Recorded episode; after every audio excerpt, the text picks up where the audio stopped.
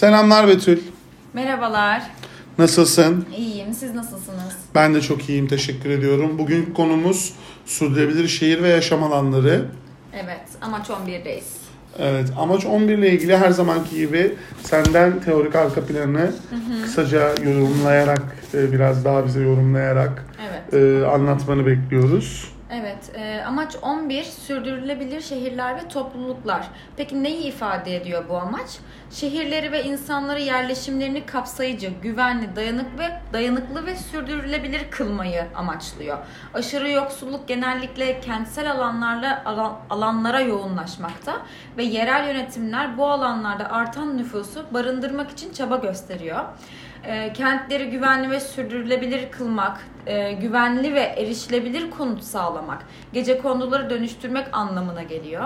Ayrıca toplu taşımacılığı da yatırım yapmak, kamusal yeşil alanlar yaratmak, kentsel planlama ve yönetimi katılımcı hem de kapsayıcı olarak bu şekilde iyileştirmek anlamına geliyor bu amacımız. Sürdürülebilir şehirler ve topluluk amacı Na- e, buna yönelik 10 tane hedefimiz bulunuyor. Bu 10 tane hedeften ben biraz bahsetmek istiyorum. 2030'a kadar herkesin yeterli, güvenli ve uygun fiyatlı konutlara ve temel hizmetlere erişiminin sağlanması ve gece kondu mahallelerinin iyileştirilmesi.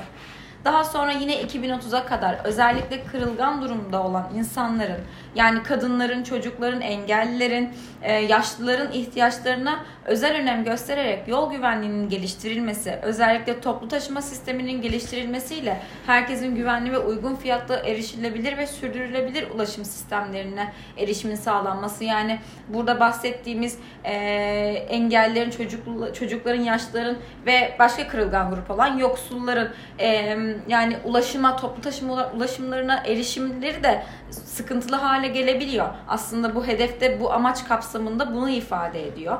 Yol güvenliğinin e, erişilmesi mesela. E, ondan sonra hava kalitesini ve belediye atık yönetimi ve diğer atık yönetimlerine özel önem göstererek kentlerin kişi başına düşen olumsuz çevresel etkilerin azaltılması yani çevresel bir sağlıktan bahsediyoruz hepimizin yaşadığı ve e, bu atıkların da arındırılması açısından ulusal ve bölgesel kalkınma planlamasını güçlendirerek kentsel, kent çevresindeki ve kırsal alanlardaki olumlu ekonomik, sosyal ve çevresel bağlantıların desteklenmesi. Daha sonra en az gelişmiş ülkelerin finansal ve teknik yardım araçlarıyla yerel malzemeler kullanılarak sürdürülebilir ve dayanıklı binalar iş, inşa et, etmelerin desteklenmesi. Aslında bunun ne kadar da önemli olduğunu e, yani ben burada yoktum fakat siz yaşadınız daha önceki podcastlerimizde de bahsetmiştiniz aslında hatırlatmakta istemem size ama e, yine de böyle bir konu geçtiğinde eminim ki aklınıza geliyordur. İnş, yani dayanıklı binalar inşa edilmesi e, veya dayanıklı olmayan binaların o şekilde yani bir şekilde revize edilmesi e, çok da önemli olduğunu İzmir depreminde görmüş olduk. Kesinlikle. Şimdi dünyada son e, 20 yıl içerisinde nüfusun %30'una yakını şehirlere taşındı. Hı hı. Tüm dünyadaki şehirleri bir araya topladığımızda dünya yüz ölçümünün sadece yüzde üçü ediyor.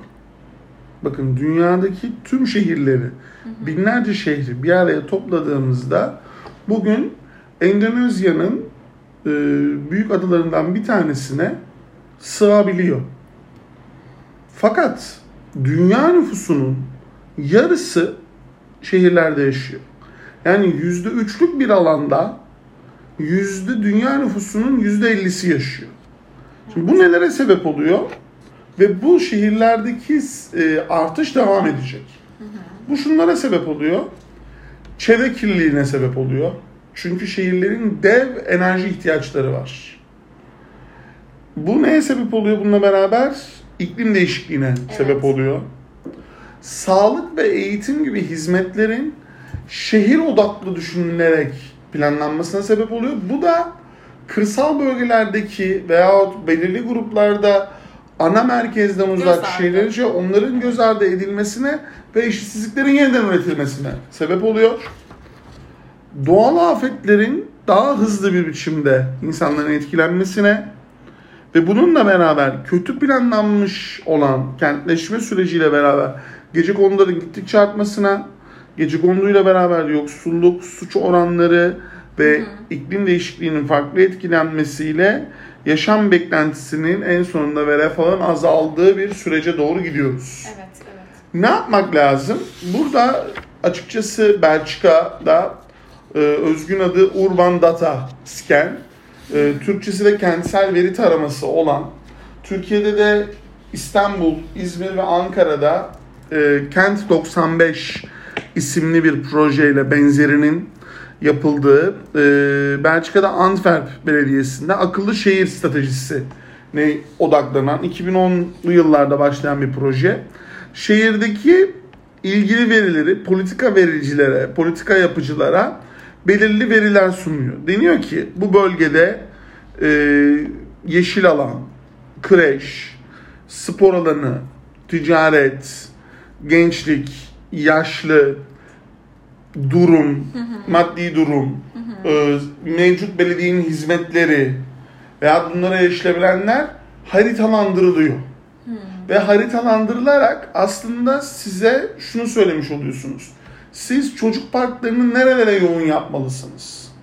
Ya da kişilerin yeşil alanlara erişimi hangi bölgelerde daha yoğun, hangi bölgelerde daha az? Böylece akıllı bir şehir de elinizde veriler bulundurarak her gelen yeni yönetim sıfırdan veri toplamaya başlamadan ve aynı zamanda böyle bütçeyi de etkin bir biçimde kullanarak çünkü Kent 95 isimli uygulamada şunu gördük.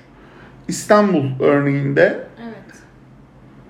en çok park, çocuk parkının bulunduğu bölge Avrupa yakasıyla Asya yakasının kesiştiği bu kıyı kesimlerde buluşmuş. Boğazın iki kıyısında buluşmuş. Fakat bölgedeki tabii bir, bir yandan mesire alanı, dinlenme alanı gibi de planlanmış. Fakat şöyle bir durum söz konusu. Çocukların en çok bulunduğu bölgeler ise İstanbul'un iç bölgeleri dediğimiz bölgeler. Şimdi burada ya planlama yapılması gerekirken o zaman burada birçok park var. Fakat bu çocukların parka erişimleri yok. Birçok park boşta duruyor.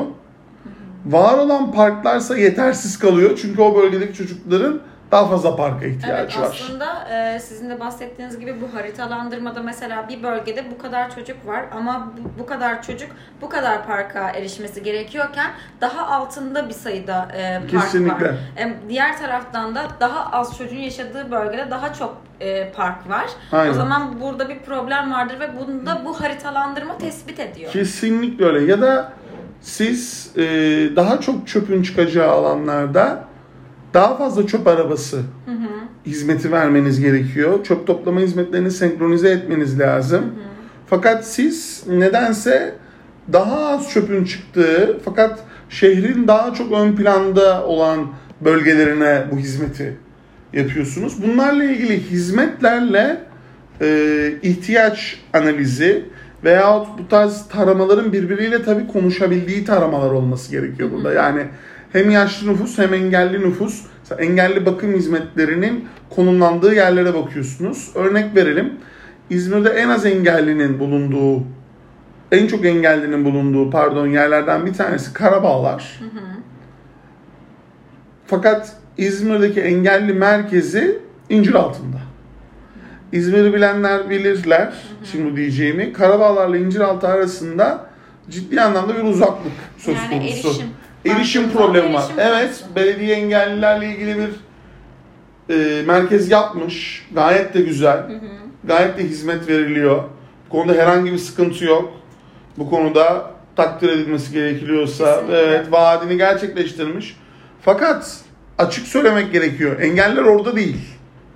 Oraya engelli olmayan er- erişimi daha zaten hala hazırda olan kişiler kullanıyor.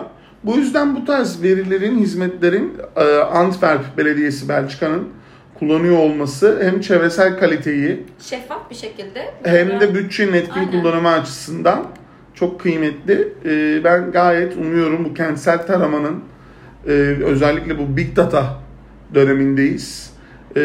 Bizim işimize yarayacağı kanaatindeyim. Teşekkür Kesinlikle. ediyorum. Ben teşekkür ederim. Herkese sevgiler diliyorum. Sevgiler, saygılar.